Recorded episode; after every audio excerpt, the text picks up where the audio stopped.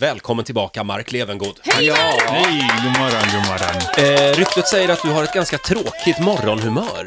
Ryktet eh, har rätt, men det är bara fram till första koppen kaffe.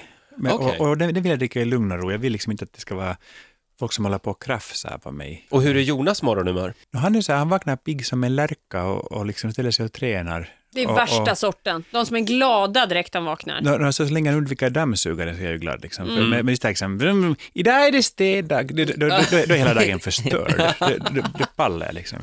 Det- Om några minuter så ska vi prata om Marks eh, något misslyckade bungee jump eh, eh, hopp. Ja, det gick inget bra. Nej. Riksmorgon så här. Mark Levengood är morgonens gäst.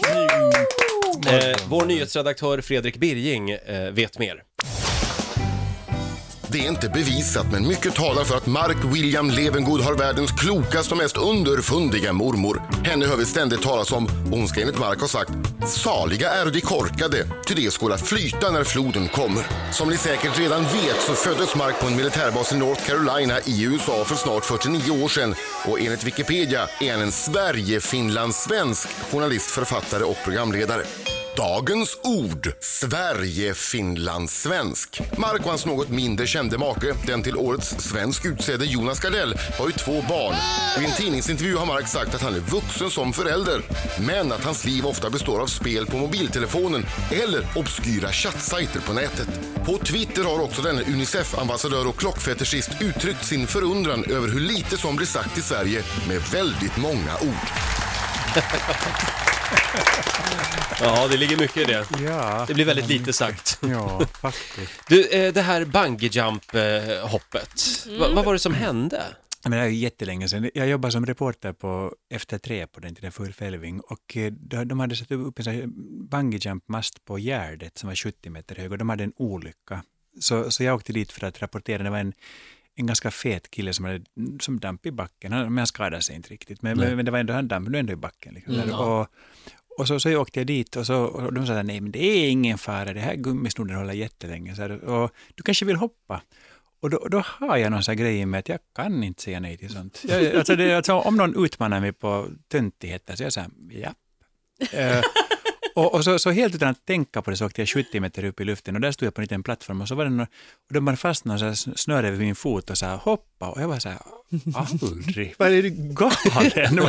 alltså tanken på att stiga ut därifrån var så sinnessjuk. Men jag sa, men nu måste du hoppa. Och så tänkte jag okej, och tog bara ett steg ut i luften och sen svimmade jag rakt av. Jag bara svimmade så. Boing. Och, själva och, hoppet? Just var hoppet ner och, och så vaknade jag liksom på, på vägen upp igen. Så, här. så när jag drogs i ryggen eller Ja. fötterna drog, så kände jag så här, oj, här står jag och dinglar. det var, men det var en fasansfull upplevelse. Det var till de, fasa, till de få sakerna jag aldrig skulle göra igen. Det skulle jag aldrig göra. Jag skulle aldrig heller äta en mjölkfylld komage i Italien, som jag också har gjort en gång. Det var också... Nej, det ska man akta sig det för. var va? jättehemskt. Mm. Humorgala i övermorgon. Ja, Vad kan vi det se fram emot? Vi kan se fram emot en väldigt engagerad gala. Vi, alltså det, det är ju vaccinationer som är, som är vår stora, stora, vårt fokus i år. Och, Polio. polio. Och, och tänk nu, alltså, vi började vaccinera 1988. Och nu har vi vac- vaccinerat 2,5 miljarder barn. Eller vi och vi, låter som vi har gjort det, men, men Unicef har gjort det. Mm. Och, och under den här tiden har vi alltså fått ner polio med 99 procent. Så att, Wow. eh, Det är ganska fantastiskt. Så alltså. förra, förra året var det, var det bara 291 människor som blev smittade av polio. Men då är det nästan så pass lite poliosmitta att man nästan kan skoja om det. Jag tycker vi ska undvika att skoja om det, men däremot kan vi tänka tanken att det är så lite poliosmitta att vi faktiskt eventuellt kan utrota polio. Det vore ju Och fantastiskt. Ja. det, och sen kan det gå en generation, sen kan vi börja skoja.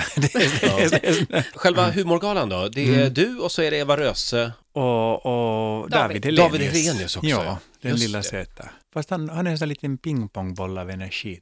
Och, men också Eva Röse, hon, hon, är, hon är kanske världens vackraste människa. Hon är så snygg. Som man, och, och, och hon är snygg så här provocerande, så liksom två på natten. Riksmorgon så här, Mark Levengood gästar oss den här morgonen aktuell med Unicefs humorgala i övermorgon. Jag tänkte på alla de här resorna du gör Mark med Unicef, för jag vet att det, du har ju en gammal eh, barndomsdröm att du vill bli arkeolog. Passar du på att gräva? Är det det du undrar? nej, men har du med en liten spade och ett litet förstoringsglas Nej, men när det du är här, är- det här, reser. nu, nu är- nu är vi ute och cyklar helt. Jag hade en barndomsdröm om att bli arkeolog Ja. och jag ville verkligen bli arkeolog.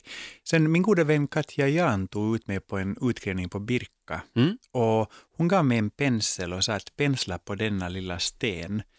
Och så satt jag hela förmiddagen och penslade på en jätteliten sten. Den var verkligen liten och någon gång framåt lunch kom jag fram till att de hade små, små stenar förr i världen och var uttråkad till döds. Jaha. Och, och, och la ifrån mig penseln och drömmen på platsen och åkte in till stan. Och, och, sen här, och, och det var så skönt att göra sig av med en dröm. För, för att jag, ville, jag, jag verkligen ville bli arkeolog. Så jag insåg att det var helt fel. Då kan jag istället ta en ny dröm som är mycket bättre för mig. Och, lägga- och det är därför man måste alltid prova alla sina drömmar, för att liksom kunna lägga dem åt sidan. Vad drömmer du om just nu? Vad är det för något du behöver testa? Mm, alltså, jag har en olycklig sak i mitt liv och det är det att jag ville bli steward. Jag ville, jag ville vara sån som går runt och säger kaffe eller te.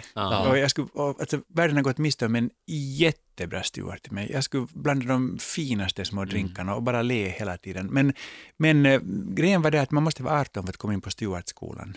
Men det Eh. är ju du med lite råge. Jo, vänta och lyssna så får du Förlåt. höra en sorglig historia som handlar just om detta råge.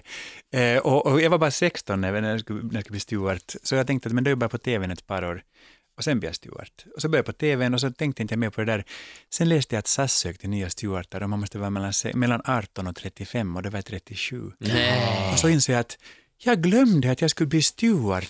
Och, och det där blir en liten tagg faktiskt. Ja. Jag tänkte, men, men, och, så vet jag att det skulle räcka med att jag två morgnar måste stiga upp fyra på morgonen för att åka liksom, till Bryssel Mm. med jättefulla resenärer som ska dit, såna affärsmän. Liksom, så. Så, så, så, så, skulle, så skulle den där drömmen ligga på samma skrothög som arkeologdrömmen. Men nu fick jag aldrig prova. Men, men du, du som homosexuell man i Stockholms innerstad, Mm. eh, jag upplever samma sak. Det är ungefär hälften av mina vänner jobbar ju som eh, flyg, flygfjollor, som vi säger lite faktiskt, skämtsamt. faktiskt. Så att kanske någon kan bara fixa, tala lite gott om det och fixa in dig. Jag, jag, jag tänkte så, när jag fyller 50 så tänkte jag då ska jag sätta allihopa, alla gästerna i, i rader och så ska jag gå runt och säga kaffe eller te.